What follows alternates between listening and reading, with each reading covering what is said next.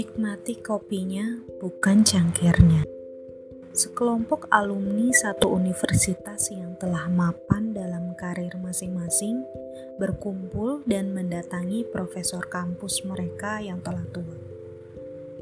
Percakapan segera terjadi dan mengarah pada komplain tentang stres di pekerjaan dan juga kehidupan mereka.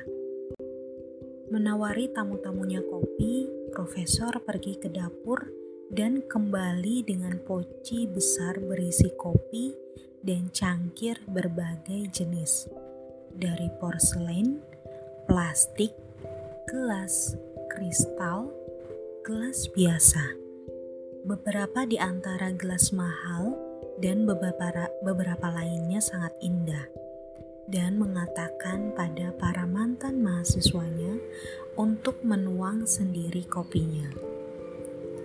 Setelah semua mahasiswanya mendapat secangkir kopi di tangan, profesor itu mengatakan, "Jika kalian perhatikan, semua cangkir yang indah dan mahal telah diambil.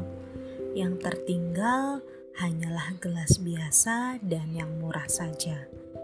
Meskipun normal, bagi kalian untuk mengingini hanya yang terbaik bagi diri kalian." Tapi sebenarnya itulah yang menjadi sumber masalah dan stres yang biasanya kalian alami.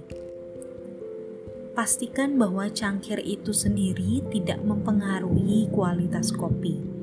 Dalam banyak kasus, itu hanya lebih mahal, dalam beberapa kasus bahkan menyembunyikan apa yang kita minum apa yang kalian inginkan sebenarnya adalah kopi, bukanlah cangkirnya. Namun, kalian secara sadar mengambil cangkir terbaik dan kemudian mulai memperhatikan cangkir orang lain.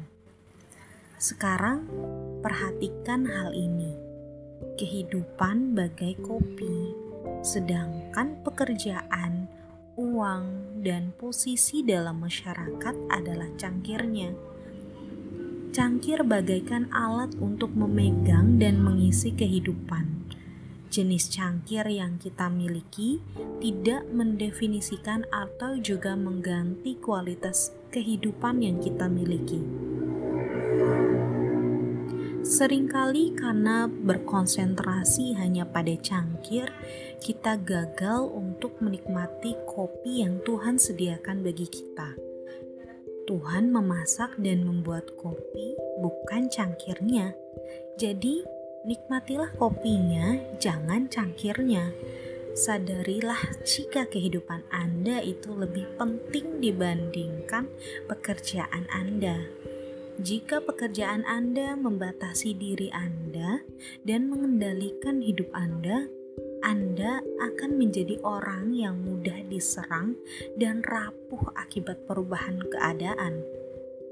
Pekerjaan akan datang dan pergi, namun itu seharusnya tidak merubah diri Anda sebagai manusia.